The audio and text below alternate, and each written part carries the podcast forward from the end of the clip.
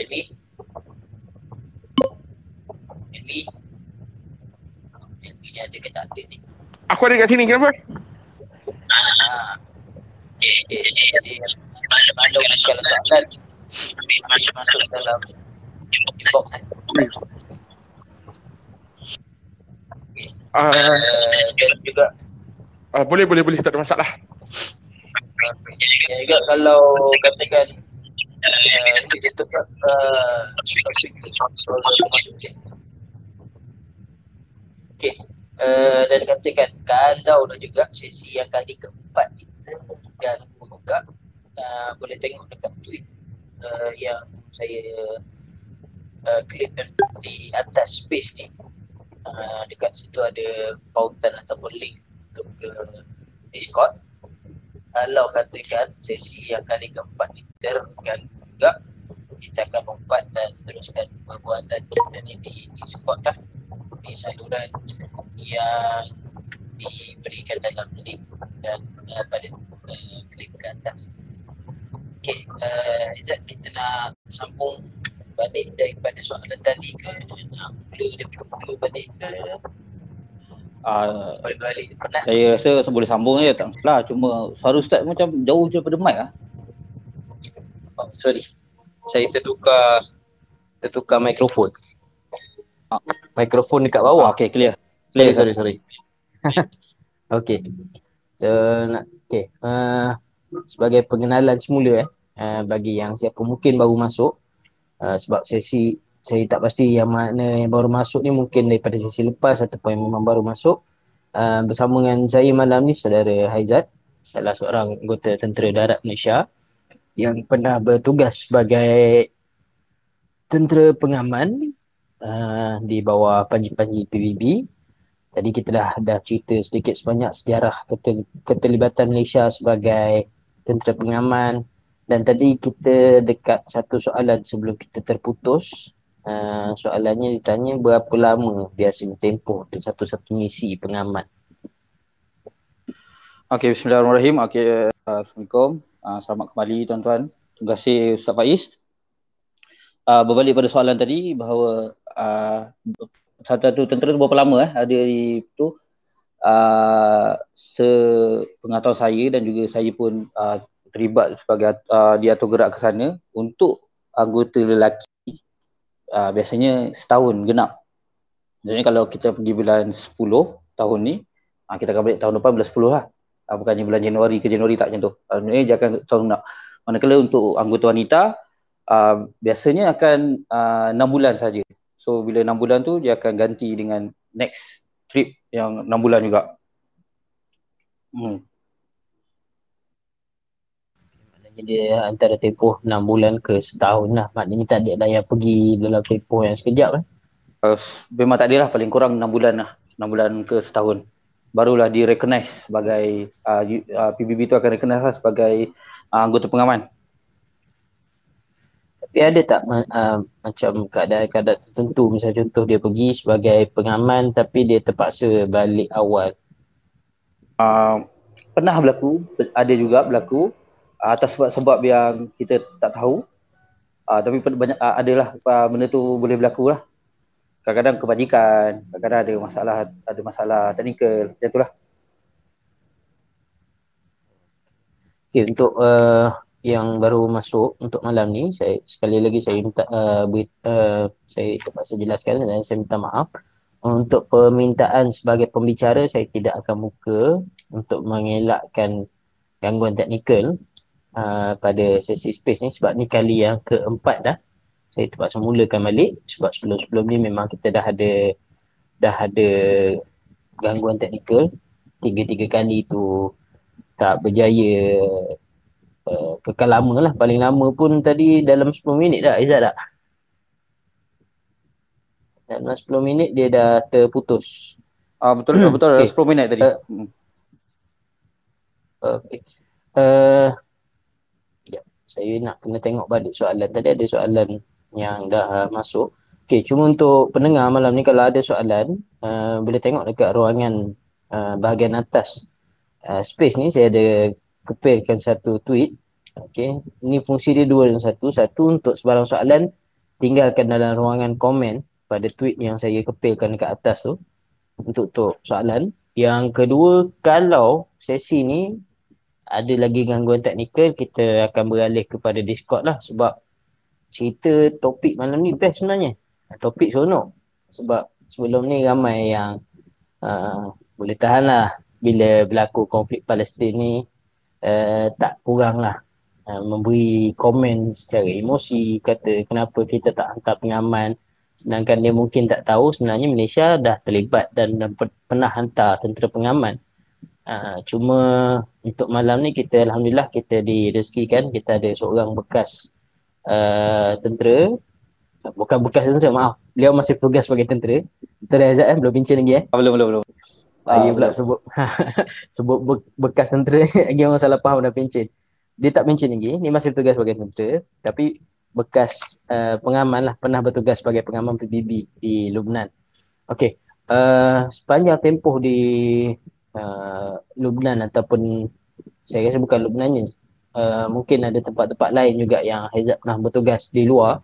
Boleh cerita tak uh, pengalaman yang mungkin paling diingati sepanjang berada dekat sana? Uh, kalau dikira pengalaman yang paling diingati tu uh, banyaklah. Uh, saya rasa kalau kalau saya boleh kongsi lah kat sini. Paling saya ingat lah uh, ni masa tu rezeki lah kami sedang ada tugas luar daripada camp uh, dan ada benda nak kena beli lah dekat, dekat luar camp tu. Uh, lepas tu berjumpa dengan sekumpulan kanak-kanak. Uh, kind of uh, masa tu agak sedih lah sebab uh, antara yang di, di, di, di, dimaklumkan kepada kami kita orang ni tak boleh memberi uh, macam mana kena kalau bahasa Inggerisnya impartial uh, impartial ni maknanya tiada uh, dia seimbang lah uh, neutral totally neutral tu satu perkataan tapi dia lebih lebih tu lagi ialah impartial atau atau boleh cakap ah, perkataan impartial ni saya pun tak tidak explain macam ni maknanya kita tak memberi kemudahan kemudahan atau kebaikan atau kelebihan ke mana-mana pihak di sana. Uh, jadi uh, yang kita dah uh, masa tu dah dimaklumkan bahawa memang ada uh, kanak-kanak yang akan datang memberi uh, meminta sesuatu daripada kita lah kan. Uh, dan tak boleh buat apa masa tu. Uh, bukan tak boleh buat apa, maksudnya uh, memang kalau boleh jangan jangan, jangan bagi interaksi lah. Uh, macam itulah maksudnya. Uh, itu yang antara yang paling saya ingat lah. menarik juga tu sebab yelah kita bila dalam keadaan macam tu di, dikatakan kita macam ada satu uh, dilema moral lah nak Ah. tak bagi tak bagi kesian eh nak bagi kita ber, berhadapan dengan tindakan Uh, macam tu lah Ibu Rang maksudnya. Dile- Dilema tu uh, perkataan yang betul lah. Cuma lebih bagi ya kita memang jatuh emosi lah masa tu kan. Mana yang anggota yang ada anak di rumah pun tengok Allah kalau ni anak aku macam mana. Macam tu lah. Uh, cuma memang uh, tugas tu pun kebetulan memang uh, kita tak boleh. So antara yang yang kita saya boleh cerita kat sini uh, dilema lah masa tu. Uh, okay, selain daripada yang pengalaman yang tadi ada lagi tak uh, peristiwa-peristiwa lain yang mungkin uh, orang kata kenangan manis lah. Tadi tu mungkin yang agak sedih yang kenangan manis sepanjang tugas sebagai pengaman dekat sana. Uh, saya punya kenangan manis kalau saya sendirilah sebagai uh, secara peribadi saya di, diamanahkan untuk membawa bendera Malaysia ke pembarisan yang dianggotai juga oleh negara-negara lain yang ada masa tu.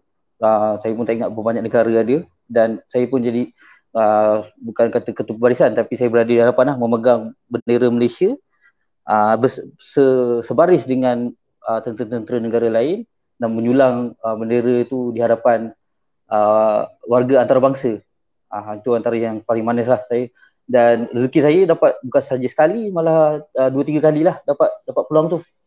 Uh, memang uh, masa tu komander memberi um, kepercayaan lah okey bagi uh, pertama kali bagi kali kedua uh, alhamdulillah kali ketiga mendapat tu yang paling saya rasa paling manis saya simpan dan, sampai sekarang lah uh, okay. ni kita ada satu soalan yang di, ditanyakan di ruang komen uh, ada tak wanita dalam pasukan pengaman Oh tadi saya sebenarnya dah dah cakap ah sebenarnya ada. uh, yang wanita ni Ha. dia sekurang-kurangnya 6 bulan. Yang dia memang biasanya kita hantar ke salah satu tugas pengaman tu uh, 6 bulan je. Uh, untuk misi sebelum ni kita saya tak tahu tapi untuk yang bos uh, untuk Lebanon ni memang ada anggota perempuan.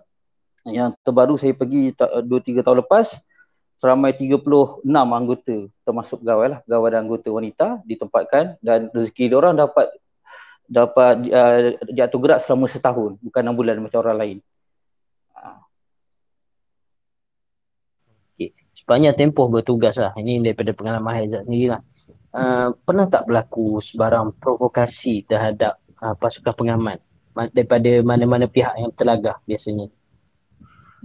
Uh, tak banyak boleh saya jawab benda tu tapi setakat saya berada di sana alhamdulillah uh, Malaysia ni dah dah dikenali lama sebab kita pun dah duduk uh, dah ditempatkan kat situ lama Malaysia ni dah dikenali oleh uh, rakyat rakyat tempatan jadi uh, mudahlah uh, berurusan. Jual beli tanya jalan dan sebagainya. Uh, kita mudah berinteraksi. Kita datang uh, datang pergi melawat pasar apa semua. Dia, dia orang mudah. Bila tengok oh Malaysia good Malaysia. Uh, so setakat yang untuk pengaman Malaysia tiada tiada provokasi langsung. Membuktikan penting lah kita punya image uh, image Malaysia di mata luar eh. Sampaikan Alhamdulillah lah macam yang Azad cerita tadi agak uh, boleh katakan tak ada provokasi daripada luar. Okay, kita ada beberapa soalan dan bagi yang baru masuk ataupun yang mungkin dah daripada awal dengar tapi mungkin terlepas untuk soalan boleh di, diajukan uh, melalui komen pada tweet yang saya kepilkan di atas untuk kita minimumkan uh, pergeseran teknikal sebab ini dah kali yang keempat kita terpaksa mulakan dan setakat ni 10 minit dah berlangsung uh, tak ada gangguan Alhamdulillah. Yang tadi sesi tiga sesi tak awal tadi 10 minit putus. Ini dah sesi yang keempat. Jadi untuk minimumkan saya takkan tambah uh, jumlah pembicara. Jadi soalannya di dihantar dalam bentuk bertulis di ruangan komen pada tweet yang saya kepilkan di atas dan jangan dihantar juga ke inbox ataupun peti masuk. Saya tak dapat baca untuk tempoh masa ni sebab uh, saya punya inbox kalau sekali saya buka dia akan masuk uh, jumlah puluhan mesej itu pun akan mengganggu uh, mengganggu perjalanan space untuk malam ni. Okey, jadi balik pada soalan yang ditinggalkan di ruangan komen. Uh, ada ditanyakan di sini macam mana hubungan pengaman PBB Malaysia dengan negara-negara lain yang dihantar? Adakah uh, sepanjang tempoh tu bekerja sama sekali ataupun berasingan? uh, untuk negara lain bersama Malaysia. Uh, sebenarnya hubungan antara negara ni sangat penting lah dekat dekat uh, di uh, di kawasan operasi tu. Uh, dan uh, kita, tentera kita dan uh, negara uh, tentera negara luar kerap kali juga bekerjasama. Contohnya di uh, latihan dan juga banyaklah kita buat uh, exercise lah, kita panggil exercise bersama dengan orang. Saling mengenali uh, aset masing-masing. Dan sebagainya bertukar-tukar pendapat bertukar-tukar uh, apa kata bertukar-tukar uh, berdiskusi lah. Dan juga ada juga uh, kadang-kadang kita buat acara rasmi panggil orang datang ke camp kita uh, ajak makan-makan sekali. Uh, dan uh, alhamdulillah setakat ni uh, hubungan Malaysia dengan negara lain tu sangat baik lah tak ada memberi komen yang buruk sangat sebab kalau saya duduk sana dulu ada juga negara lain yang bila cakap oh kalau negara ni sombong kalau negara ni jangan cakap dengan dia negara ni buat penipu macam tu macam tu lah tapi sekarang ni Alhamdulillah Malaysia masih lagi mengekalkan imej yang baik lah di kalangan uh, negara-negara uh, dalam kalangan negara-negara yang ada kat sana Terima kasih. Okay, kita dah mula dapat beberapa lagi soalan. Alhamdulillah. Okay. Dan soalan yang berkait juga yang saya ingat uh, ni agak menarik juga ni sebab pernah dengar dulu. Uh, tapi yang itu berlaku pada kenderaan media di salah sangka sebabkan bendera Malaysia. Jadi memang dekat sepanjang pengalaman Haizat kat luar pernah terjadi tak orang terkeliru bendera Malaysia ni tertukar dengan bendera US sehingga menyebabkan salah faham. Pernah terjadi tak? Uh, sebenarnya ada sejarah dia. Masa uh, kalau perasan kalau kita lihat uh, setiap kali atur gerak ataupun uniform uh, pengaman tu diwar-warkan di media, kalau perasan di belah kiri uh, lengan uh, belah kiri lengan uh, uniform tu kita punya bentuk uh, bentuk uh, so-called consign kita tu uh, kita punya insignia berbentuk bulat dan ada tulisan Arab lah uh, tulis uh, perkataan bahasa uh, perkataan Malaysia tapi dalam ejaan Arab. Uh, nak tahu uh, boleh tengok sendiri kalau kita tengok tulisan Jawi kita tulis mim lam ya sin ya alif Malaysia tapi bila dekat tulisan Arab dia akan jadi mim alif lam ya zai ya alif. Uh, so ada sejarahnya memang betul uh, masa memula uh, kita punya anggota pengaman di Atu Gerak tahun uh, 2000-an dulu kita pakai petak lagi uh, bentuk petak dan disalah pertikan rakyat tempatan sebagai tentera US. Lepas tu uh, inisiatif uh, kerajaan Malaysia juga masa tu tukar daripada insignia petak tu bentuk negara Malaysia jadi bulat dan juga tulis uh, tulis sekali perkataan Malaysia dalam bahasa Arab. Akhirnya sampai sekarang diterima. Okey, menarik dah sebab uh, kalau tak tu masalah besar juga tu kalau ter, tersalah anggap kan. Okey. Uh, dari segi uh, ada tak negara-negara yang tak dibenarkan oleh UN sepengetahuan Haizat uh, sebagai seorang bekas uh, pengaman yang tak dibenarkan untuk menyertai misi keamanan UN ataupun dia lebih pada bersifat orang kata optional pada setiap negara yang ada keanggotaan UN untuk hantar setiap kali bila UN panggil untuk tentera pengaman. Uh, jujurnya Ustaz saya tak tahu bagaimana PBB itu memilih satu-satu negara. Tapi biasanya bila you, uh, PBB itu memilih satu-satu negara tu dia expect yang kita dah uh, dah ada kelengkapan berikut berikut berikut lah beberapa yang dia perlu yang perlu kita adakan untuk memenuhi kehendak dan uh, keperluan uh, misi tu. Uh, tapi cara dia mem, cara PBB atau UN ni memilih uh, negara tu saya tak tahu. Yang tu mungkin kita kena ni lah kita kena buat homework sikit tu. Okay. Lain soalan uh, untuk tadi berkait dengan keadaan uh, impartial uh, bubble impartial tu macam mana anggota PBB selesaikan any conflict of interest antara warga tempatan yang ni antara soalan yang baru masuk. Uh, biasanya kalau berlaku konflik, uh, apa-apa kita akan lapor pada HQ lah, ibu pejabat. Uh, seterusnya menunggu arahan apa yang akan berlangsung dan apa yang perlu dilaksanakan dan apa yang perlu berlaku. Uh, tiada lebih dan tiada kurang daripada apa yang diarahkan. Uh, begitulah. Baik. Hmm, soalan seterusnya. Uh, Okay, soalan suasana puasa dengan raya dekat sana macam mana? Ha, yang ni mungkin lebih pada nak perkongsian pengalaman lah.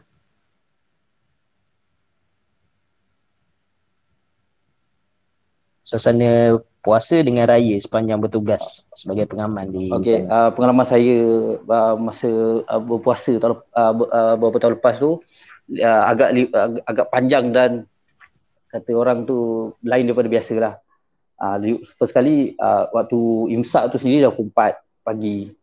Tapi buka puasa pukul 7 sama dengan kat Malaysia. Pukul 7 something lah. So ada plus minus 15 jam uh, 15 hours macam tu lah 15 jam ke 16 ditambah lagi uh, rezeki kami masa tu pun uh, dia pertukaran suhu eh pertukaran musim daripada bunga ke panas. Jadi uh, alhamdulillah jugalah uh, konsiderasi uh, pihak atasan uh, dia bagilah kelonggaran sedikit. Uh, waktu kerja kurang uh, tiada uh, aktiviti fizikal dan sebagainya. Ada fizikal tapi di, dikurangkan daripada contoh 2 jam jadi 1 jam begitulah uh, dan makanan tak banyak beza pun. Uh, sebab kita sendiri masak masakan kita sendiri. Cuma itulah pengalaman uh, lama itulah nak bangun sahur satu hal kan. Lepas tu sekejap je eh, dah dah dah nak subuh semula. Uh, macam itulah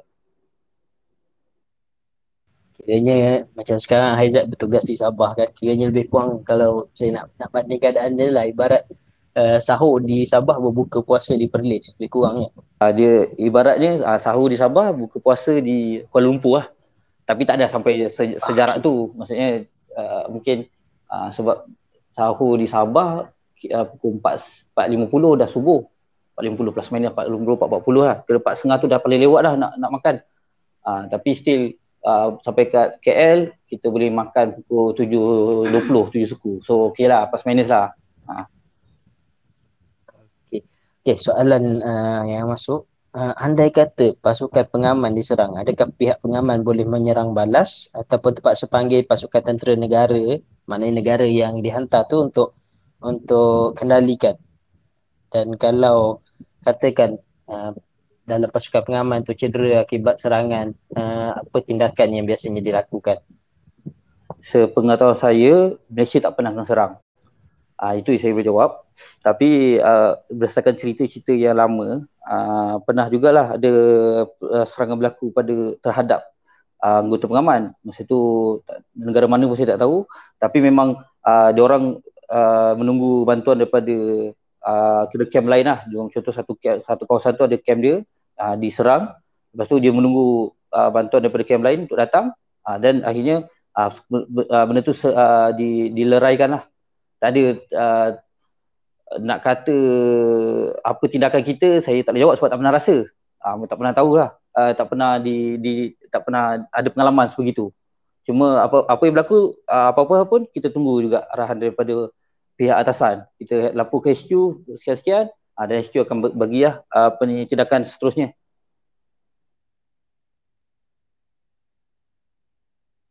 Uh, jelas. Okey kita ada lagi soalan-soalan yang uh, baru masuk. Alhamdulillah. Uh, Okey. Uh, soalan seterusnya uh, boleh ceritakan sedikit sebanyak kenderaan yang tentera Malaysia guna di Lubnan? Kalau tuan-tuan dan puan-puan pendengar pernah baca berita pada tahun 2018, tak saya uh, kita ada terima kenderaan baru di sana. Uh, dipanggil uh, jenis, uh, dia punya brand dia nama Guardian lah. Panggilan dia Guardian. Tapi dia sejenis APC Arm Personal Carrier benda ni kira seluruh rakyat Malaysia dah tahu. Uh, tapi selain daripada itu kita juga adalah kenderaan APC lain seperti Condor dan juga uh, kenderaan uh, apa Land Rover dan kita guna guna pakai kat sana untuk tugas-tugas uh, yang diperlukan kat sana. Okey uh, soalan lainnya uh, sepanjang berada di sana ada masalah tak dengan rakyat tempatan ataupun tentera Lubnan sendiri? Uh, maknanya sebab tadi kita ada ada sebut yang Aizat ada pengalaman di Lubnan jadi ada tak uh, masalah pergaulan sama-sama dengan tentera itu sendiri tentera Lubnan sendiri ataupun dengan rakyat tempatan di sana? Uh, sebagaimana saya cerita sebelum uh, tadi uh, alhamdulillah setakat dah beberapa tahun kita berada di sana uh, penerimaan rakyat uh, rakyat tempatan tu sangat sangat positif lah dengan uh, tentera Malaysia. Uh, ada juga uh, kadang-kadang biasalah uh, yang berlaku sebenarnya ialah eating ayam. Maknanya pengetahuan bahasa. Bahasa yang bahasa tu yang mengganggu sebenarnya. Kalau bahasa tu berjaya di di maksudnya ada ada daripada belah kita tahu cakap Arab ataupun belah dia tahu cakap Inggeris, uh, kat insyaAllah. Sebab uh, rezekinya kita sebab dah lama sangat uh, beni, warga Malaysia bertempat kat sana uh, sampai ada uh, rakyat tempatan tu dah boleh cakap Melayu lah. Uh, tu rezeki lah uh, Alhamdulillah uh, ataupun satu lagi kita pun ada juga uh, penterjemah bahasa Inggeris. So kadang-kadang penterjemah tu juga lah yang menjadi pengantara. So, uh, jadi konflik tu berjaya dikurangkan lah. Uh, macam tu dari segi uh, ni kita soalan yang diversion sikit lah. Ni soalan soalan personal daripada saya. Maknanya bila kata hubungan yang baik dan sebagainya tu ada tak daripada kalangan yang putera kita yang bertugas sebagai pengaman ataupun mungkin Aizat sendiri ke? Ni soalan ni saya, saya ingat selamat kot tanya sekarang sebab Aizat dah kahwin. Kalau masih bujang ni mungkin yang mendengar ni dia teruja sikit. Ada tak daripada kalangan pengaman kita ni yang secara tak langsungnya menyebabkan orang tempatan jatuh hati nak buat jadi menantu? Se sepengetahuan saya tak ada lah. Tak sampai level tu lah. Satu dia, dia pun tahu kita daripada negara jauh dan sebagainya kan. Tak ada lah. Uh, tak, sepengetahuan saya tak ada. Tak, tak sampai tahap tu. Jadi itulah sebab saya tak saya bimbang juga takut ada yang dengar-dengar ni nanti dia pasangan nak masuk tentera, nak jadi pengaman, nak kahwin dengan orang sana. Salah juga tu. Okey uh, soalan lainnya uh, ada tak pengalaman tentera pengaman ni bertugas di sana dan mungkin bukan bukan sebab perang pun tapi meninggal dunia di sana diuruskan di sana ada ada ada boleh cerita tak? Mungkin daripada pengalaman Haizat ni ataupun daripada pengalaman uh, anggota-anggota lain yang lebih senior yang berada di sana? Okay, uh, saya, semasa saya dan uh, saya punya pasukan diatur gerak pada tahun tahun tu, Alhamdulillah tiada sebarang casualty ataupun kematian lah daripada uh, ni anggota tentera Malaysia. Cuma masa sebelum-sebelum tu ada juga, nampak saya ada dua orang, ya tapi sebenarnya ada lagi, saya tak pastilah. Uh, kedua-duanya uh, kemalangan. Uh, cuma yang agak uh, saya pun ada ada pernah cerita dekat Facebook pasal uh, sejarah uh, Awayaham tu kemalangan.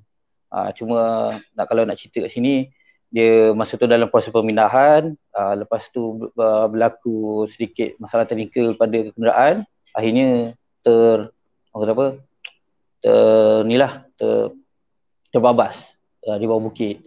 Uh, tu tapi bukan masa tu masa tu saya tak ada lagi lah. Tak, tak ingat saya 2012 atau 2013 uh, insiden tu berlaku. Jadi uh, kebanyakan uh, berdasarkan daripada insiden tu lah kalau katakan berlaku kematian di kalangan tentera pengamat ni kebiasaannya dari segi pengurusan jenazah tu adakah dia akan di, disempurnakan di sana, dikebumikan di sana ataupun bergantung pada keadaan akan dibawa balik ke tanah air. Uh, mikrofon ter, tertutup. Sorry, sorry. Okay. Uh, sepengetahuan saya, semuanya dibawa balik lah. Uh, jenazah dibawa pulang ke Malaysia, uh, ke Malaysia ataupun ke negara masing-masing dan diberi penguatan uh, penguatan uh, secara regimental di sana dulu. Dan maksudnya dah selesai lah. Kalau Islam kita dah dah siapkan apa semua. Uh, dah mandikan dah dimasukkan uh, dah dipakaikan kafan dan sebagainya. Dan baru dah pulang ke Malaysia.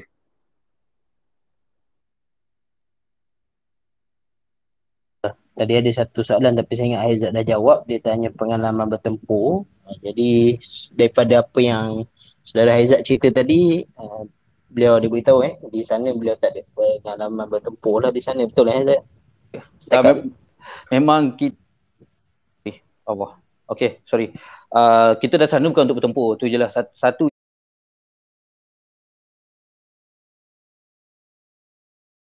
yang perlu di, diingatkan pada semua rakyat Malaysia kita, kita datang sebagai pengaman uh, untuk mengamankan keadaan bukannya untuk bertempur bukan.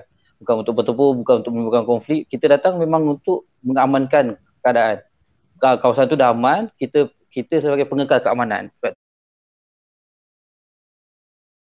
Itu dipanggil pengaman peacekeepers. Peacekeepers tu equal tu uh, pengekal keamanan. Tak ada pengalaman bertempur jangan risau. Okey, menarik. Okey, jadi bersama dengan kita juga malam ni salah seorang daripada kita punya penulis juga ni. Kausa ada apa-apa nak mencelah ke nak tanya soalan? Uh, kalau so ada silakan. Bagi soalan lain dulu kot. Ha, sebab setakat ni soalan yang ada kita dah kita dah clearkan semua. Kita dah habiskan oh. semua soalan. Ha. Jadi kalau ada boleh celah.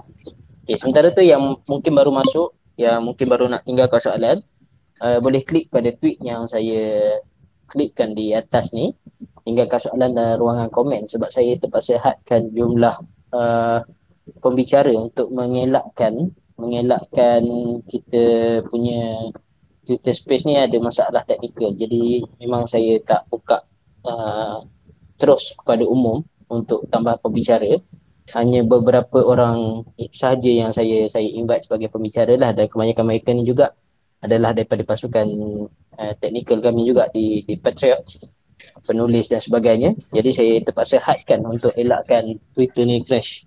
Sebab ni dah kali keempat saya ter, terpaksa ulang balik ni.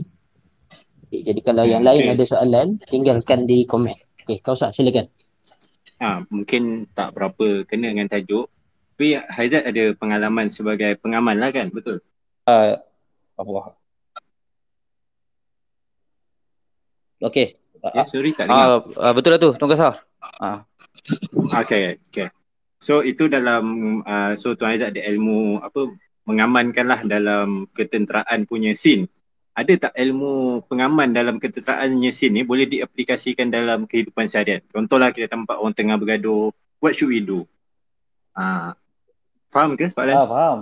Cuma kemahiran Ah, kemahiran tu tak semua orang ada lah dan saya pun jujurnya tak pernah lagi lah uh, tak pernah dan nak kata tak tahu tu kami sebenarnya diajar kat sana how to clear conflict kan. Uh, adalah antara uh, persediaan sebelum ke sana. Cuma belum pernah diaplikasikan dan saya pun tak tahu uh, nak uh, macam mana nak nak di, di diterangkan lah kat sini. Uh, bersama kalau kalau saya boleh cakap pun uh, pertama sekali kena ingat uh, kalau kami di sana yang kita ni impartial, neutral. Kita tak boleh pihak ke mana-mana, kita tak boleh berpihak pada mana-mana parti, eh, pada mana pihak. Uh, itu itu asas dia lah, asas dia tengah-tengah. Tak tahu siapa salah, tak tahu siapa betul, yang penting kita datang sana untuk menyelesaikan. Uh, tu pertama, pertama sekali lah. Dan seterusnya, uh, menge, oh, uh, kalau kita belajar dalam counselling, kita panggil empati. Empati ni maksudnya kita tahu uh, kita bukan saja bersimpati ada beza simpati dan empati. Iaitu simpati ni kita kita cuma kesian. Simpati ni equal uh, biasanya orang akan uh, sinonimkan dengan kesian. Tapi empati ni kita letakkan diri kita ke tempat dia. Dan susahnya jadi uh, orang yang mengamankan ni adalah kita kena letakkan kas, diri kita dalam kasut kedua-dua belah pihak atau uh, jadi macam mana tu? Uh, antara antara cara dia lah. Uh, bila dah bila kita dah berempati pada dua-dua pihak dan barulah kita tahu cara penyelesaian uh, konflik tu. Ah uh, menjawab soalan ke? Ah okey okey uh, boleh lah kira jelas jugalah. Maknanya first kita kena sedar yang kita ni neutral. Tapi ada tak uh, macam yang diajar lah kan? Macam mana kita nak tahu kita ni neutral ke tak ataupun step-step ke? Ya kalau kami apa yang kami ajar ialah uh, yang kami diajar uh, nak kata step tu uh, tak adalah macam kata formal step pun. Cuma yang penting uh, pertama kali kena diri sendirilah yang kena sedar empati eh apa impartial, empati uh, dan baru datang peace. Uh, macam tu je. Maksudnya uh, sebab saya pun tak pernah uh, peristiwa macam tu tak pernah berlaku, pada saya. Saya pun tak tahu nak nak cerita macam mana nak apply kan benda tu. Cuma secara apa yang diajar adalah bila kita dah tahu eh, empati pada kedua-dua pihak tu dan kita tahu sebenarnya dia, uh, A nak apa, B nak apa dan seterusnya barulah kita boleh nego kan kedua-dua pihak. Okay, sebenarnya kau nak apa sebenarnya? Ah, kau nak apa? Okay, dalam uh, dan selepas tu barulah okay, kalau uh, diberi peluang ke A, A nak sekian-sekian. B nak uh, A, A contoh A nak lebih pada satu bahagian, B nak kurang pada satu bahagian. Dan kita jumpakan titik pertemuan tu dan akhirnya barulah uh, keamanan tu tercapai lah dia panggil uh, dia panggil uh, uh, bahawa konflik tu terlerai. Okay, kiranya ada belajar negotiation skill jugalah kan? Uh, dia tak usually kalau apa-apa yang berlaku uh, kita tak boleh buat apa sebenarnya. Kalau berlaku apa-apa depan mata, konflik ke something like that di sana, kita memang kena tunggu arahan. Tapi at, at least the basic knowledge of uh, uh, empathy and neutralizing tu adalah Uh, tapi kalau kita kita tahu kita berada di kawasan dan not the right time the right place bukan di tempat yang betul dan di masa yang betul tambah pula bahasa pun lain apa semua uh, kita ambil keputusan tu je lah tunggu arahan je lah selanjutnya. Okay, okay. baik. Terima kasih. Itu saja. Okay, sama. Kesimpulan dia macam macam yang Aizat cakap tadi maknanya bila apa-apa berlaku kat sana first step dia kena buat let buat peace dulu. Ah, ya betul Ustaz apa-apa tenang lu. Jangan emosi lah. Uh, okay, saya ada soalan lah untuk uh, Tuan Aizat. Kalau Tuan Aizat sendiri dekat sana kiranya kata uh, makan kan. Jadi adakah Tuan Aizat pernah makan bersama rakyat tempatan? Uh, Alhamdulillah lah diberi peluang juga uh, pernah makan bersama dia orang uh, dia orang siap jemput datang buka puasa sekali dan jamu dengan masakan tradisi Arab lah kita uh, nasi ada tahu ada nasi kapsa ada apa satu saya lupa lah kata macam kebab tu. Ah uh, pernah lah dijamu tu alhamdulillah lah. pernah makan bersama dia orang. Ah kenapa tu? Tu ah uh, itu saja soalan. Sebab orang kata bila kita datang ke tempat orang kan kadang ada macam tempatan kata mempelawa mak, makanan ajak ke rumah. Itu antara itu saya tanya tu. Uh, Alhamdulillah ada beri peluang tu. Ah okey ya itu saja. Terima kasih. berkait dengan soalan Khairul tadi. Ni ada soalan yang ditanya dekat ruangan komen tu. Uh, ada tak apa-apa makanan special yang uh, yang Aizat masih ingat lah kot makanan tempatan yang agak-agak bukanlah kita jadi favourite dah. Jadi favourite nanti susah. Balik sini mengidam pula nanti tak jumpa. Tapi yang sepanjang dekat sana yang yang agak diingati lah. Uh, kalau saya paling ingat lah uh, Ustaz, makanan yang paling saya ingat makan kat sana adalah tahu lah. Saya suka tahu tu. Uh, dia dia sate, dia sate daging kan. Uh, tapi dia cucuk dekat uh, besi, uh, batang besi dan dibakar. Uh, boleh uh, memang saya rasa dia punya rempah tu lengkap dan kena dengan cita rasa saya lah. Makanan lain dia kadang-kadang uh, ada yang masak pedas sangat, ada yang masak tak ada rasa. Ayam cecah dengan uh, apa sos bawang putih. Uh, itu yang saya ingat tapi saya tak berapa minat lah. Tapi saya paling paling saya rasa kalau nak saya nak cari semula di KL ni tahu tu lah. Fish tawuk tu saya ingat bukan ada kot tapi susah nak susah nak dapat. Ah betul betul. Okey. Okey, kita ada beberapa lagi soalan uh, yang baru masuk. Okey.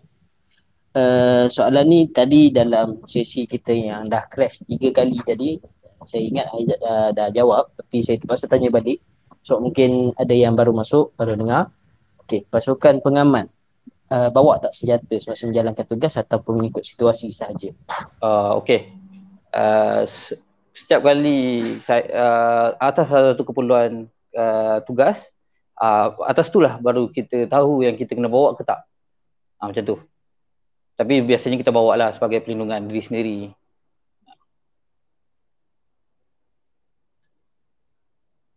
Ni, ni soalan nakal sikit.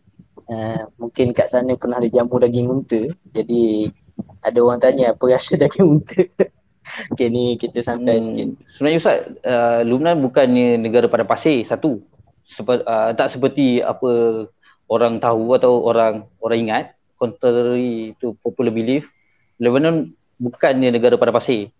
Saya pernah jumpa seekor je unta kat sana. Itu pun dibela dan dibawa, uh, diletakkan di bawah bangsal dan tak ada lagi lah uh, uh, tak, tak, tak, tak ada rezeki dapat rasa daging unta tu.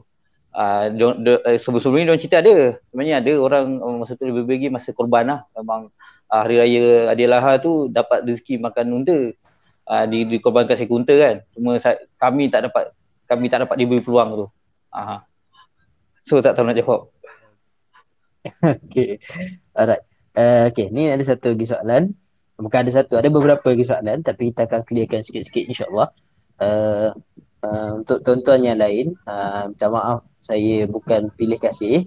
Uh, hanya beberapa orang saja saya letak sebagai pembicara ataupun speaker yang yang saya benarkan mencelah sebab saya nak kurangkan uh, masalah teknikal pada Twitter Space sebab uh, ini dah kali yang keempat saya terpaksa mulakan balik. Sebelum ni memang ada masalah dan untuk sesi yang sebelum-sebelum ni pun memang saya hadkan jumlah pembicara. Tapi yang mana yang saya benarkan jadi speaker malam ni adalah daripada keluarga penulis-penulis The Patriots juga. Ha, ni, ni memang kalau tuan-tuan nak kata saya pilih kasih memang ada sikit lah pilih kasih tapi memang saya tak buka pada umum secara meluas. Tapi kalau ada soalan boleh tinggalkan pada tweet yang saya klikkan dekat atas space ni klik pada tweet tu dan tinggalkan di ruangan komen Okey, jadi saya nak masuk pada soalan yang berikutnya. Uh, kenapa negara besar yang mempunyai ketenteraan yang kuat uh, seringkali dilihat tak menyertai pasukan pengaman US? Misal contoh kalau kita nak ambil mungkin China, Rusia, US sendiri. Uh, sebenarnya Ustaz, dekat di bawah uh, panji-panji PBB di Lebanon, di UNIFIL, uh, United Nations Interim Force in Lebanon, ada China, ada Rusia, uh, UK tak ada, Perancis ada. Uh, yang tak ada cuma US dan juga uh, apa satu lagi tadi? Uh, UK saja. Uh, Ireland ada, Ireland tapi bukannya UK lah kan. Tapi uh, tiga negara kuasa besar tu ada. Rusia ada, China ada uh, dan juga Perancis. Oh, maknanya negara-negara dia maknanya negara-negara besar pun uh, kecuali UK dengan US lah yang tak ada tapi yang lain tu adalah Ya. setakat baik Ah. saya kira itu menjawab dah tu soalan tu. Okey ni satu soalan yang dia dah me- menghangatkan sedikit suhu perbincangan. Okey memandangkan pasukan pengaman adalah neutral macam mana mereka bertugas dalam isu Gaza Palestin? Uh, memandangkan Malaysia ni memang berpihak 100% kepada arah Palestin. Jadi macam mana uh, Malaysia bila di, di, dikerahkan sebagai pengaman ke tempat-tempat macam ni untuk mengekalkan keneutralan sebagai pengaman. Uh, satu yang saya boleh jawab Ustaz, di Lubnan ni tak ada uh, tak ada langsung berkaitan dengan Palestin. Memang tak ada. Uh, sebenarnya uh, kehadiran uh, pengaman di situ adalah untuk mengamankan uh, kawasan selatan Lubnan tu saja. Tak termasuk tak ada langsung uh, melibatkan Palestin. Uh, jadi soalan tu je lah saya, uh, macam tu je saya boleh jawab. Okay, sebab Lebanon ni dia lebih pada krisis Lebanon dan Israel kan. Ah, Israel dengan Lebanon lah sebenarnya. Tapi Palestin Palestin Israel tu uh, saya minta maaf lah memang bukan dalam bukan dalam tanggungjawab dan bukan uh, di bawah jurisdiction uh, pengaman PBB di Unifil Lebanon. Okay, baik. Pergi ke soalan yang uh, lain lagi. Jap. Ada lagi tak? Okey. ni soalan ni saya tanya je lah. Aizat je jawab je lah sendiri. Penerimaan isteri ketika bertugas di Lebanon. Uh, masa tu saya belum kahwin lagi. Uh, tapi masa tu uh, tapi agak agak tegang uh, masa masa mula penerimaan je. Uh, lepas tu uh, dah lama-lama dia biasa dia faham lah dan uh, alhamdulillah balik je selamat balik dan selamat uh, mendirikan rumah tangga sampai hari ni. Okey. Okey. Uh, lagi soalan. Ha, sebab tadi pun saya saya petik filem Pascal. Jadi soalan kat sini dia, dia tanya kalau nak dibandingkan lah apa yang digambarkan dengan filem Pascal dengan keadaan sebenar masa Aizat dekat sana. Uh, sama tak keadaan tu? uh, macam saya cerita tadi, uh, apa yang berlaku dalam cerita Pascal tu itu di bawah misi pemerhati dan uh, dan yang kat Luna ni adalah misi misi pengaman yang tentera Malaysia pergi. So jawapannya memang jauh beza lah. Ah tu je lah cakap. Okey. Ada satu soalan tadi saya tengah scroll-scroll ni saya takut terlepas pandang. Sekejap eh. Jangan cik hati eh. Kalau saya terlepas baca saya tengah tengok dulu satu-satu. Saya takut ada yang soalan yang terlepas baca. Okey. Pemilihan anggota ATM.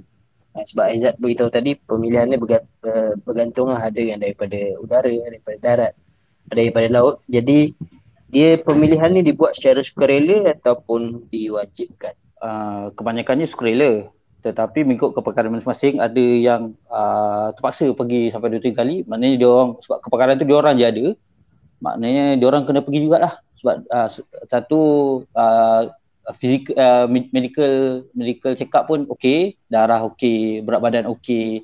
Uh, kan? Jantung okey. Okey clear cut. Okey uh, kau terpilih. Uh, macam itulah.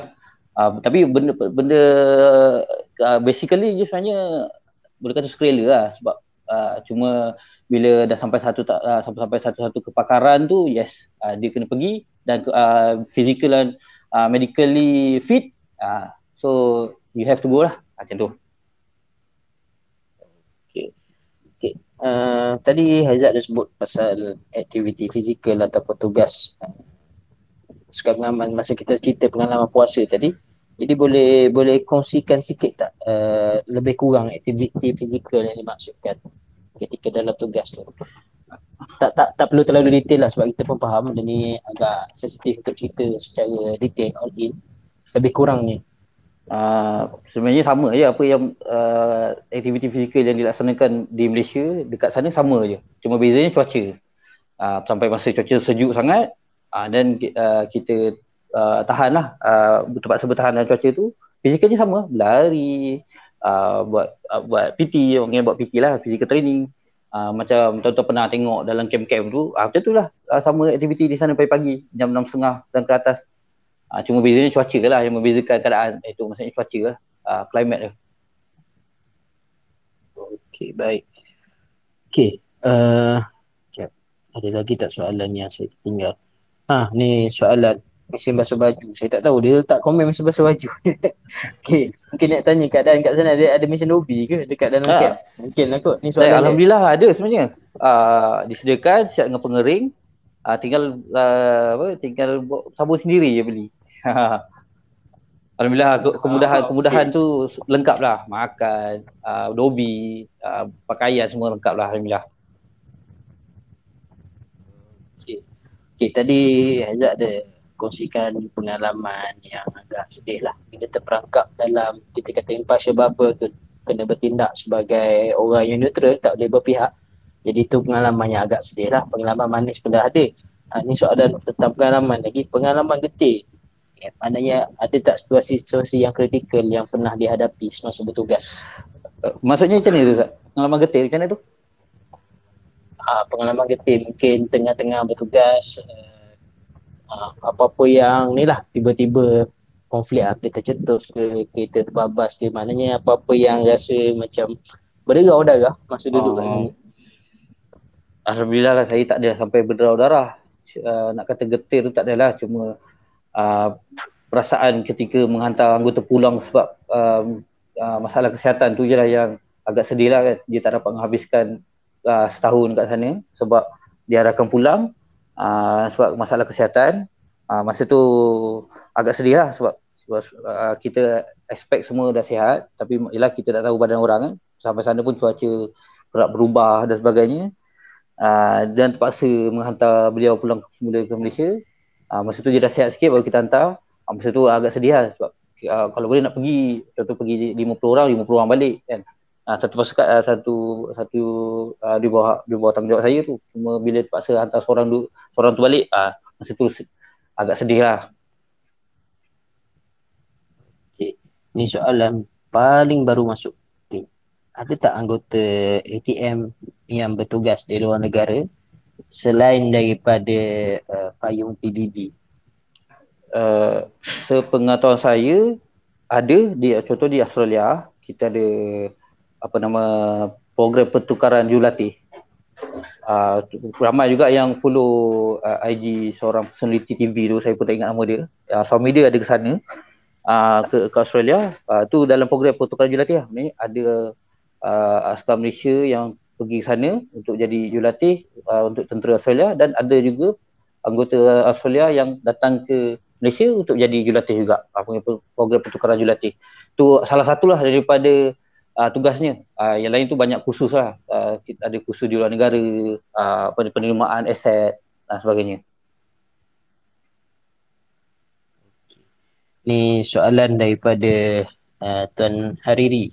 Yang ni saya ambil kesempatan ucapkan terima kasih juga sebab dua sesi sebelum ni uh, secara sukarela beliau tolong kita untuk rakam lah. Sebab saya uh, punya telefon yang satu lagi tu masih tak boleh juga buat rakaman. Uh, okay, jadi ditanya dekat sini uh, tentang uh, bila Aizat sebut tentang impartial, tentang tak berpihak, neutral ni maknanya sebarang negara yang dihadiri uh, dalam dalam unit pengaman PBB ni memang tak boleh nampak ada kecenderungan langsung ke pada mana-mana pihak sepanjang berada di satu-satu lokasi sebagai pengaman PBB? Uh, secara teknikalnya betul macam tu. Cuma uh, kita pun datang ke sana, atau gerak ke sana untuk memenangi hati dan jiwa rakyat tempatan. Jadi atas kebijaksanaan masing-masing, bagaimana untuk memenangi hati dan jiwa rakyat sambil menjadi seorang yang neutral. Uh, boleh faham kan? Maksudnya uh, kita kita nak kita nak conquer hak MI, kita nak ambil hati orang, menerima kehadiran, menerima kedatangan tanpa sebarang konflik uh, atau uh, ataupun ancaman tetapi kita perlu menjadi uh, menjadi uh, impartial dan neutral uh, dalam keadaan uh, sesuatu keadaan. Macam itulah. Okey, baik. Uh, okey. Mengawal, okey, mengawal ikut jadual. Maknanya ni mungkin ni lah tugas berkawal lah kot ikut jadual ke macam mana? Ni soalan pada Khairul. Ah uh, yes. Uh, ber, uh, ikut jadual lah. Maksudnya saya uh, dalam 2 jam sekali, 4 jam sekali, 6 jam sekali uh, atas pada uh, tugas-tugas tugas-tugas yang di di di, uh, di diletakkan tanggungjawab tu uh, semuanya ada jadual masing-masing. Kemudian misi pengaman di Lubnan ni sama tak seperti yang kita pernah hantar ke Sahih Sahara? Okey, uh, apa yang saya boleh jawab di Sahara tu kita tak ada tentera pengaman. Uh, di Sahara Barat di mana apa yang berlaku kat Sahara Barat tu sepengetahuan saya konflik dalam negara Morocco tu lah. Uh, lepas tu ada ada negara ada uh, entiti yang mengaku tanah tu milik orang nak jadikan satu negara dan uh, Morocco pun nak juga tanah tu dan sebagainya. Tapi di di Sahara Barat tu kita tak ada letak tentera pengaman tapi kita uh, Malaysia ada hantar uh, ten, uh, anggota pemati lah di sana. Hmm, baik. baik. Okey. Uh, ni ada soalan dia kata soalan panas tapi saya tak pasti apa apa yang dimaksudkan oleh penanya jadi saya akan bacakan soalan seperti mana yang ditanya. PTI ada ke tak? Saya tak pasti PTI tu. Uh, PTI tu macam ustaz lah uh, physical trainer physical training instructor jurulatih jasmani Ha. ada semua semua uh, semua camp semua pasukan semua ada PTI apa yang panas pun tak tahu Uh, ni ada satu yang baru masuk. Eh, mana tadi dah hilang sikit. Okey, ada tak cabaran mental semasa tugas? Contohlah dimaki oleh rakyat tempatan ke? uh, peristiwa dimaki rakyat tempatan tu tak ada tak pernah tapi cabaran mental tu memang ada bohong lah kalau tak ada. Uh, lelaki perempuan sama je. Masing-masing ada tahap tahap kekuatan mental sendiri kan tersendiri. Ada yang berjaya bertahan ada ada yang tak berjaya. Kita pun ada juga pegawai kaunseling kat sana. So kalau berlaku uh, mas, bukan kata masalah mental lah kan. Maksudnya kita berada dalam keadaan tertekan boleh jumpa pegawai kaunseling uh, dan seterusnya sesi kaunseling pun berlaku lah. How, macam mana nak releasekan tekanan tu macam mana kita nak nak cope dengan keadaan nak menyesuaikan diri dengan keadaan dan sebagainya Baik, baik, baik. Okey. Saya nak habiskan soalan. Takut ada yang tak tak terbaca eh. Okey, uh, untuk yang nak uh, nambah soalan boleh uh, masukkan masuk ke tweet yang kita letak di bahagian atas space ni dan uh, tulis di ruangan komen lah.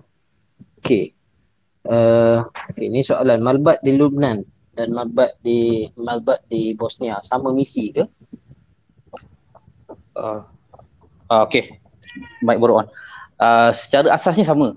Kita berada uh, berada di sana sebagai pengaman. Uh, tugasnya tak sama.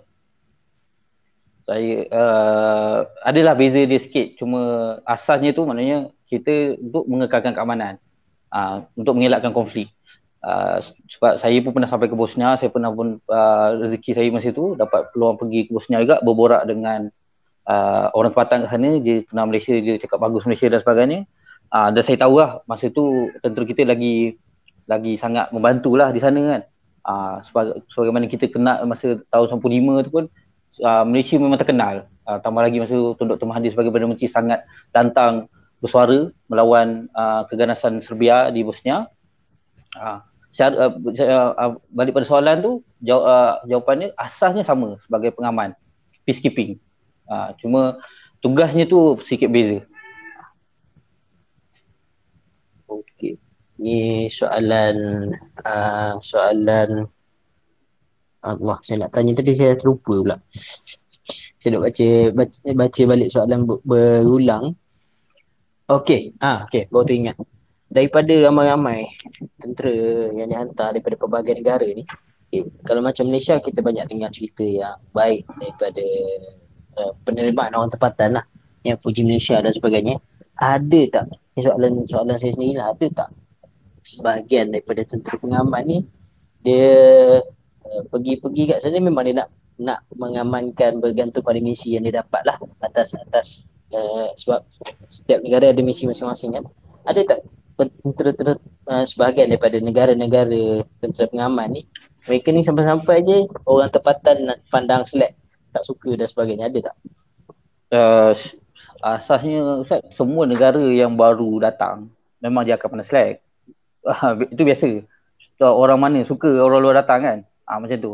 Jadi uh, setakat saya duduk sana tak ada lagi lah negara yang kata memberi image uh, mendapat image buruk di kalangan rakyat tempatan cuma biasalah bila bila baru sampai memang dia akan oh dia akan menilai dulu atas bawah apa sebenarnya tujuan apa yang aku nak buat kat sini dan sebagainya.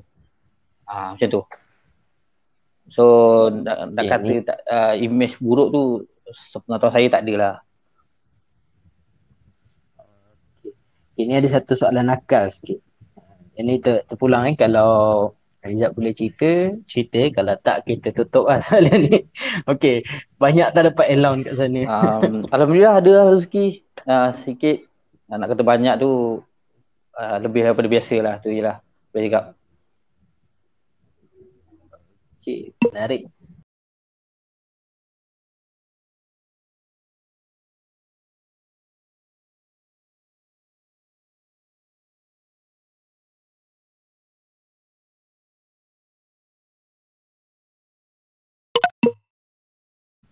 Lebih kurang sejam 15 minit seperti mana sesi kebiasaannya. Okey, untuk uh, tempoh yang terakhir ni kalau Haizat setuju dan memandangkan sesi kita pun dah agak stabil sikit malam ni boleh ke saya buka untuk pertanyaan uh, umum? Maknanya kalau dia nak tanya secara secara lisan lah. Saya boleh kalau Haizat setuju saya akan benarkan. Tapi ikut queue lah siapa sempat sempat.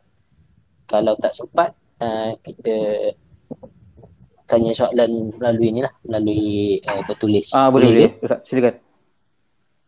Okey.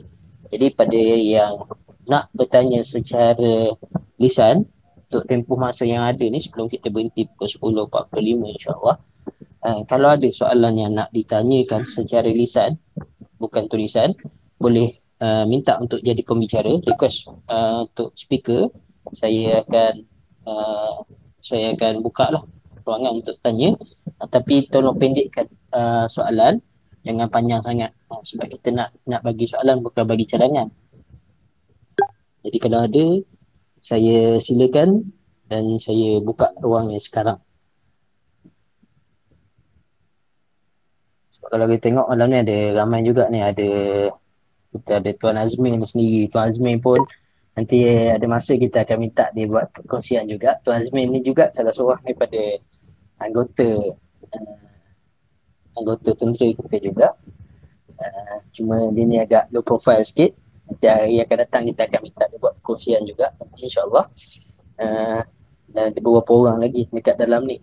Jadi kalau ada sesiapa yang nak bertanyakan soalan uh, secara lisan, uh, ruang masa yang ada ni saya persilakan. Sementara tu saya akan kembali ke tweet yang saya kepilkan di atas untuk saya semak kalau ada soalan yang saya terlepas.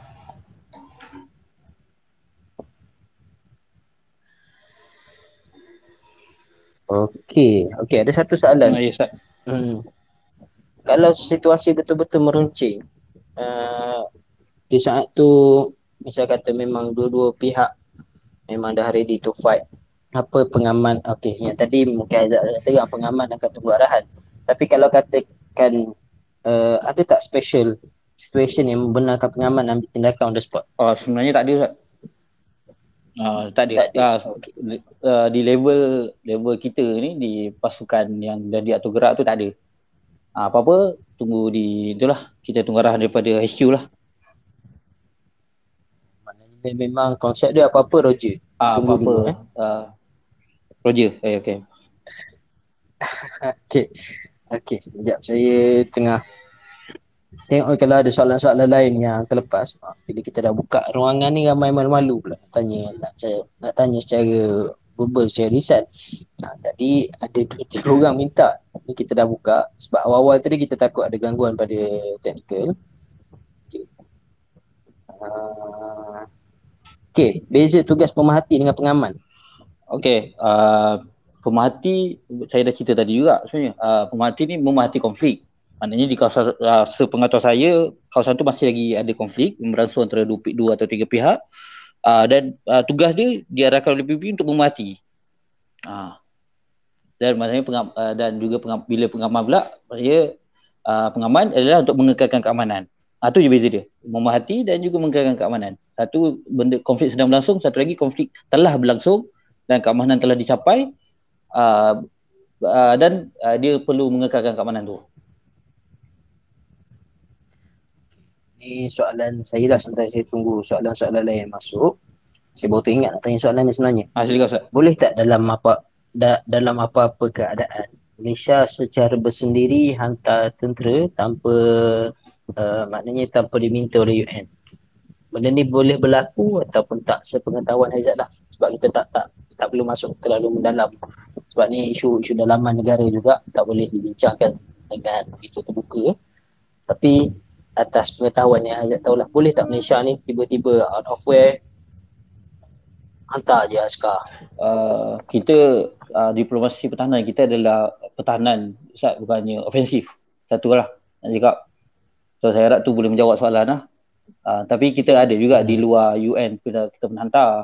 Contohnya uh, dekat Filipina uh, ada kita ada International Monitoring Team IMT. Uh, apa tim tim memerhati. Saya tengok bahasa Melayu macam apa maksud dia? IMT uh, dah berapa siri dah dekat sana pegawai dan anggota yang ditempatkan kat sana untuk menjadi mediator antara kerajaan Filipin dengan MILF tak salah saya MNLF atau MLF di Mindanao tu.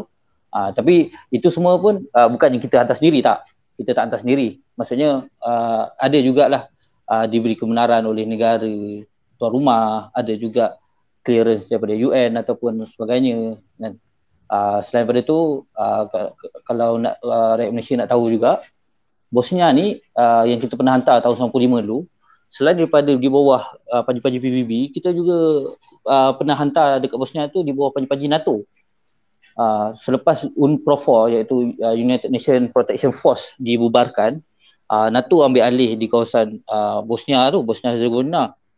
Di bawah uh, masa tu mission dia ada dua nama satu I4 dan juga S4 saya lupa uh, ke, uh, penuh dia apa dan juga K4 Uh, tapi masa tu memang kita pengaman di bawah NATO lah bukan di bawah PBB. Uh, dan kita diletakkan uh, di situ sebab uh, uh, rakyat tempatan dah percaya yang uh, pada rakyat Malaysia dan kita kekal berada di situ selepas walaupun selepas UNPROFOR dibubarkan uh, NATO ambil alih untuk mengekalkan keamanan kat sana uh, dan kita kekal berada di sana. Sampailah tamat tahun 98 tak saya. 98 atau 97 Okey. Ni soalan uh, bahasa yang kebanyakan masa digunakan tentera di sana lah di Lubnan ataupun di Bosnia. Kalau di Lubnan mungkin bahasa Arab lah. Uh, di Bosnia saya tak pasti bahasa bahasa Bosnia bahasa apa. Tapi kebanyakan masa tentera pengaman kalau berkomunikasi dengan orang tempatan uh, akan guna penterjemah ke ataupun uh, biasanya sebelum dihantar tu dah diajar asas bahasa negara yang akan dihantar ke macam mana? Uh, Dari segi untuk tujuan komunikasi. Macam dekat Lumnan tu kita dah asas, at least tahu nak cakap uh, Arab, uh, Kaifaluka. Tapi uh, Arab dekat Lumnan ni bahasa dia pelik sikit, dia punya logat dia. Uh, logat uh, Arab Barat kan. Uh, dia, saya tak tahu lah pengaruh dari mana. Sebab dia macam ada bercampur sikit dengan Perancis. Sebab dia pernah dijajah Perancis kan, Arab dia tu. Uh, uh, dia, tapi uh, saya asasnya kita tahulah. Uh, Assalamualaikum, Waalaikumsalam sebab bahasa sama lah kan. So negara lain kena belajar lah Assalamualaikum tu. Uh, lepas tu uh, Kaifaluka. Lepas tu last kali akhirnya cakap bahasa Inggeris lah. Uh, English. Uh, lepas tu dia akan jawab la la la la kita tak boleh apa-apa lah. Kita dia tak faham lah kan. Maksudnya la tu tak boleh kan kalau je naam uh, English. Lepas tu kita cakap English dengan dia. Uh, dan Alhamdulillah uh, kebanyakan rakyat Lumnan ni dia celik English sikit. So walaupun bapak tak faham, uh, dia akan panggil anak dia. Uh, macam tu. Uh, akhirnya English juga lah yang kena gunakan. Okey.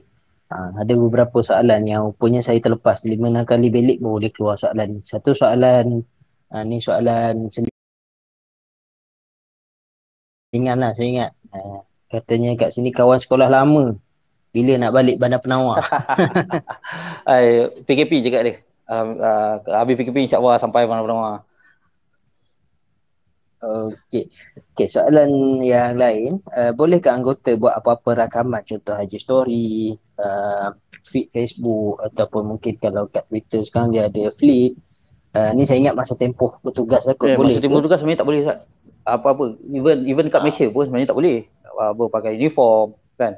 Uh, ada bersama senjata lah lebih lagi. Uniform ni kadang-kadang kita uh. terlepas pandang terlepas pandang juga.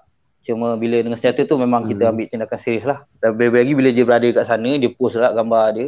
Kalau pakai, uh, orang tahu dia berada di sana kan. So tak perlu lah dia nak letak benda-benda yang tak sepatutnya di medsos. Ini dia dia kena yes, kawal lah. Bukan kawal lagi, tak boleh terus sebenarnya. Okay, baik. Okay, uh, ni soalan yang baru juga masuk uh, pengaman PBB ni sampai bila? Adakah sampai negara stabil ataupun sampai UN menilai keadaan tu stabil ataupun bergantung pada negara tuan rumah sendiri? Uh, kalau kita tengok daripada sejarah uh, saya saya paling dekat saya boleh cerita uh, Bosnia lah sebab saya pun pernah sampai sana saya pun pernah borak ke sana kan so akhirnya bila uh, satu perjanjian uh, pendamaian tu dah berlaku antara dua pihak atau tiga pihak yang bertelagah uh, dan uh, UN tu sendiri lah, PBB tu menilai oh kawasan tu dah boleh dah boleh di apa nama dah boleh dah boleh berdiri dengan sendiri tanpa perlu pengaman uh, dan masa itulah baru uh, orang kata mandate tu di, dibubarkan. Okey, dibubarkanlah kawasan apa ni uh, misi misi tu. Contohnya macam dekat ni lah, macam dekat Bosnia tu, uh, UN dah bernilai tempat tu uh, sebab perjanjian dah sign okey antara Serb dan juga Bosnia. Okey, boleh bina bernegara, lepas tu ada sempadan negeri, sempadan wilayah masing-masing. Okey. Uh, dan uh, UN pun dibubarkan. Tapi NATO pula berpandangan lain masa tu. Mungkin uh, dari sudut geopolitik lah berbeza kan. Uh, NATO cakap uh, kita perlu ber- terus berada kat sini. So bawah NATO pula. Uh, lepas tu Malaysia pun dijemput sekali pun Malaysia masuk juga dalam uh, tentera pengaman NATO dekat Bosnia. Sam- saya rasa sampai sekarang ada lagi saya uh, pengaman uh, NATO dekat Bosnia tu. Cuma uh, Malaysia dah tak dah tak dah tak join lah. Uh. Ini soalan yang baru masuk. Uh, ada yang ni mungkin saya minta maaf lah kelemahan sebagai tuan tuan tanah malam ni kita terpaksa buat sampai empat kali tapi minta Aizat tak keberatan, ke, tak keberatan lah untuk ceritakan balik sebagai menjawab soalan ni nanti. Okay, satu soalan dia negara mana yang Malaysia first hantar sebagai pengaman. Kemudian uh, lebih kurang lah pada pengetahuan dah berapa kali kita ni uh, terlibat sebagai pengaman. Okay, yang ni untuk recap balik je lah apa yang kita dah cerita dalam session yang awal hmm. tadi. Okay, soalan yang, yang ketiga ni Uh, ada tak apa-apa tindakan yang diambil pada tentera pengaman sekiranya dia mengambil tindakan tanpa arahan? Terus dihantar balik ataupun dikenakan tindakan tata tertib dulu di sana ataupun bawa balik baru kena tindakan kat sini?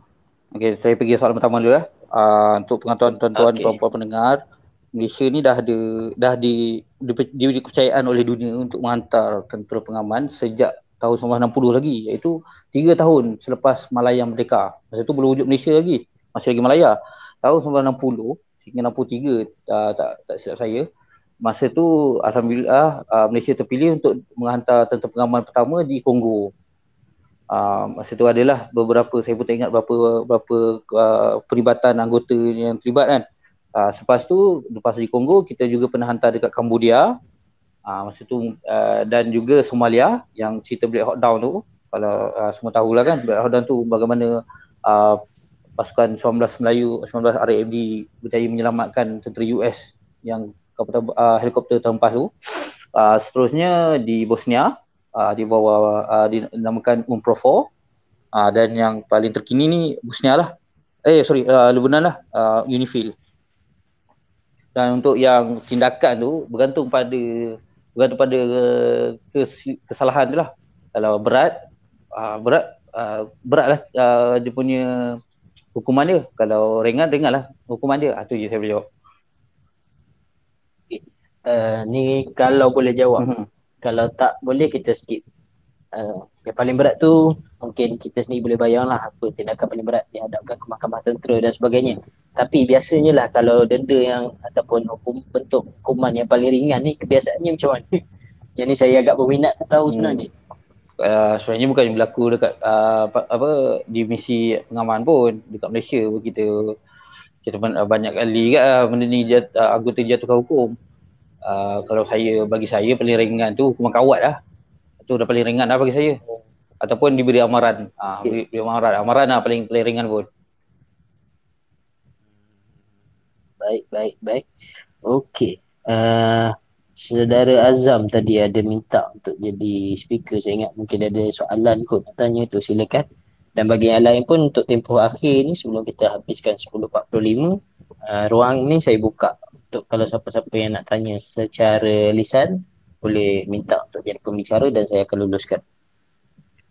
Azam silakan. Assalamualaikum. Terima kasih Ustaz sebab bagi saya jadi speaker. Okey, soalan saya. Yang Salam. pertama, Ah, Assalamualaikum Tuan Aizat. Ya, salam Tuan Azam. Silakan. Ha, soalan saya yang pertama, awet Bosnia dengan Lubnan lawa-lawa ke tak? Yang kedua, uh, apa standard senjata yang kita gunakan untuk tentera Lubnan, tentera pengaman dekat sana? Terima kasih. Ah, soalan pertama tu tak secantik uh, apa ni wanita Malaysia lah. Itu je lah saya jawab. Ah. Lepas tu soalan kedua tu uh, standard issue lah. Kalau kita tahu standard issue, standard issue uh, tentera Malaysia. Ah tu je lah. Se- Sekurang-kurangnya yang tu. Ah dia hantar ke sana. Soalan kedua tu mungkin tak tak tak boleh nak dibincangkan secara umum kot dari segi persenjataan. Tapi semua tahu uh, kalau yang tahu tahulah. Uh, hashtag YTJT lah. Okey. Okey, ni soalan daripada mata uh, dari mata sebagai anggota tentera sendiri perlukah Malaysia laksanakan program latihan uh, latihan ketenteraan lah maksudnya seperti mana di Korea Selatan ataupun di Singapura menggantikan PLKN. Uh, dari dari pandangan peribadi saya satu keperluan. Cuma kita kita tak ada kita tak ada keadaan yang sangat memerlukan untuk semua rakyat Malaysia uh, memeng- uh, memegang senjata. Sebab uh, paling kurang pun sebenarnya kalau rakyat Malaysia ni kalau betul berminat kan saya tengok memang ramai orang berminat kan. Uh, kata kalau kena hantar ke Palestin aku sanggup dan sebagainya uh, bolehlah pergi ke mana-mana regimen 500 yang terdekat dia panggil uh, kalau di Johor 501 kalau di Perlis 504 di KL 515 uh, di Sabah ni ada dua 507 dan 516 uh, askar wataniah uh, silalah ke sana mendaftarkan diri. Jangan risau umur uh, tak ada limit silakanlah ke sana. Itu je lah saya boleh jawab. Okey, soalan yang agak baru juga masuk. Ada lagi tak pengaman yang dihantar ke Kongo? oh tak ada. Dah tak ada Kongo dah tak ada. Cuma tak tak pasti uh, saya tak tahu kalau uh, pemerhati tu ada ke tak tapi pengaman dah tak ada. Tak, macam saya cerita tadi uh, yang pengaman yang ada cuma sekat, yang terakhir adalah Lumnan lah. Yang terkini dan yang masih berjalan. Yang lain semua dah balik lah. Kita ada lagi baki 3 minit. Kalau ada sesiapa yang masih nak masuk untuk tanya soalan secara lisan. Kalau tak, kita akan wrap up dan kita akan buat sebagai simpulan lah. Simpulan lebih kurang. Sebab kita habiskan sesi malam ni. Satu, dua, tiga, kita ada. Okay, jadi uh, kalau boleh minta Aizat bagikan sedikit kesimpulan dan mungkin juga nasihat untuk rakyat Malaysia yang mendengar pada malam ni. Dan insyaAllah kalau kalau Tuan Hariri kita ada buat rakaman, saya akan minta tak daripada dia rakaman dan mungkin pesanan ni akan sampai jugalah bagi yang, yang mendengar rakaman ni nanti uh, Assalamualaikum uh, tuan-tuan pendengar semua. Okay, uh, tuan-tuan rumah uh, Ustaz, Ustaz Faiz. Sebenarnya uh, tak, saya uh, kita berbalik pada tajuk space kita malam ni lah sebenarnya peranan Malaysia sebagai pengaman. Uh, saya saya harap semua uh, yang mendengar ni berjaya memahamilah apa sebenarnya peranan Malaysia sebagai pemakai uh, ataupun pemegang panji-panji PBB di mata dunia. Uh, so, uh, dapat menjawablah persoalan uh, bagaimana Malaysia melaksanakan tugas, uh, apa sebenarnya tugas Malaysia kat sana dan sebagainya. Cuma uh, minta maaf saya minta awal-awal cakap uh, bukan saya kata tak boleh komen berkenaan uh, Palestin Israel cuma kita uh, pengaman Malaysia di Lubnan memang tiada kaitan langsung dengan konflik Israel dengan Palestin. Itu je saya boleh cerita. Kalau tuan-tuan uh, berharap pada jawapan uh, kepada soalan tu, jawapan kepada soalan tu bahawa apa sebenarnya yang kita boleh buat untuk Israel dengan Palestin, saya cuma boleh jawab uh, kita hantar ke Lubnan. Uh, tu je lah. Uh, tiada lebih dan tiada kurang. Semuanya bergantung kepada uh, keputusan terbangsa. Kalau satu hari nanti uh, ada rezeki, Alhamdulillah, uh, ramai negara yang uh, menjadi anggota PBB menyokong untuk meletakkan pengaman uh, di antara konflik Israel Palestin, uh, insya-Allah lah kot. Masa tu kita dapat peluang. Itu pun bergantung. Uh, kita tak tahu. Cuma saya minta maaf pada siapa yang bertanya konflik Israel Palestin, Israel Palestin tu saya uh, angkat tangan bawah lah. Uh, benda tu di luar jurisdiction dan juga bukan tugas Malaysia sebagai pengaman di Lubnan. Uh, saya harap boleh menjawab soalan. Okey, ya tu je lah kot Ustaz. Sebagai kesimpulan daripada perbincangan kita pada malam ni, kita harap uh, kita sebagai rakyat Malaysia boleh ambil pengajaran lah daripada uh, peranan kita di luar negara macam mana kita ni dikenali dengan image yang baik di luar negara dan sebagainya sehingga membolehkan kita pergi beberapa kali dijemput sebagai pengaman uh, di negara-negara yang bergolak. Jadi terima kasih banyak pada saudara Aizat yang sudi bersama dengan kita pada malam ni uh, berkongsi kisah, berkongsi pengalaman beliau sebagai uh, bekas pengaman. Mungkin mungkin mungkin belum boleh panggil bekas kot. Mungkin lepas pada, pada ni akan dipanggil tugas lagi kot Aizat. Uh, saya uh, kalau diberi peluang saya terima kalau diberi arahan saya terima je lah. Kita menurut arahan je. baik, baik insyaAllah. Jadi terima kasih banyak uh, Saudara Aizat yang sudi berkongsi dan lagi sekali saya minta maaf pada yang mendengar pada malam ni kalau mungkin uh, perbincangan malam ni dia tak sepanas beberapa hari yang lepas.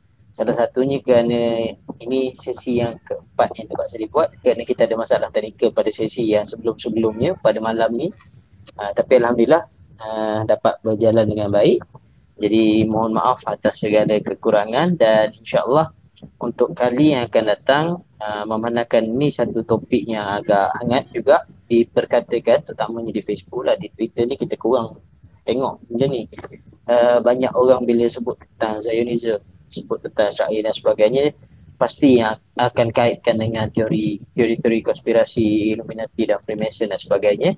Jadi uh, saya sedang usahakan satu tarikh dan kita akan minta penulis buku uh, mencabar teori konspirasi saudara Ibnu Jawi ataupun saudara uh, Khairi Ashraf nama betul dia untuk buat sesi reruang. Uh, jadi bolehlah siapkan soalan siap-siap nak tanya apa pasal uh, significant Freemason Indonesia ke dan sebagainya.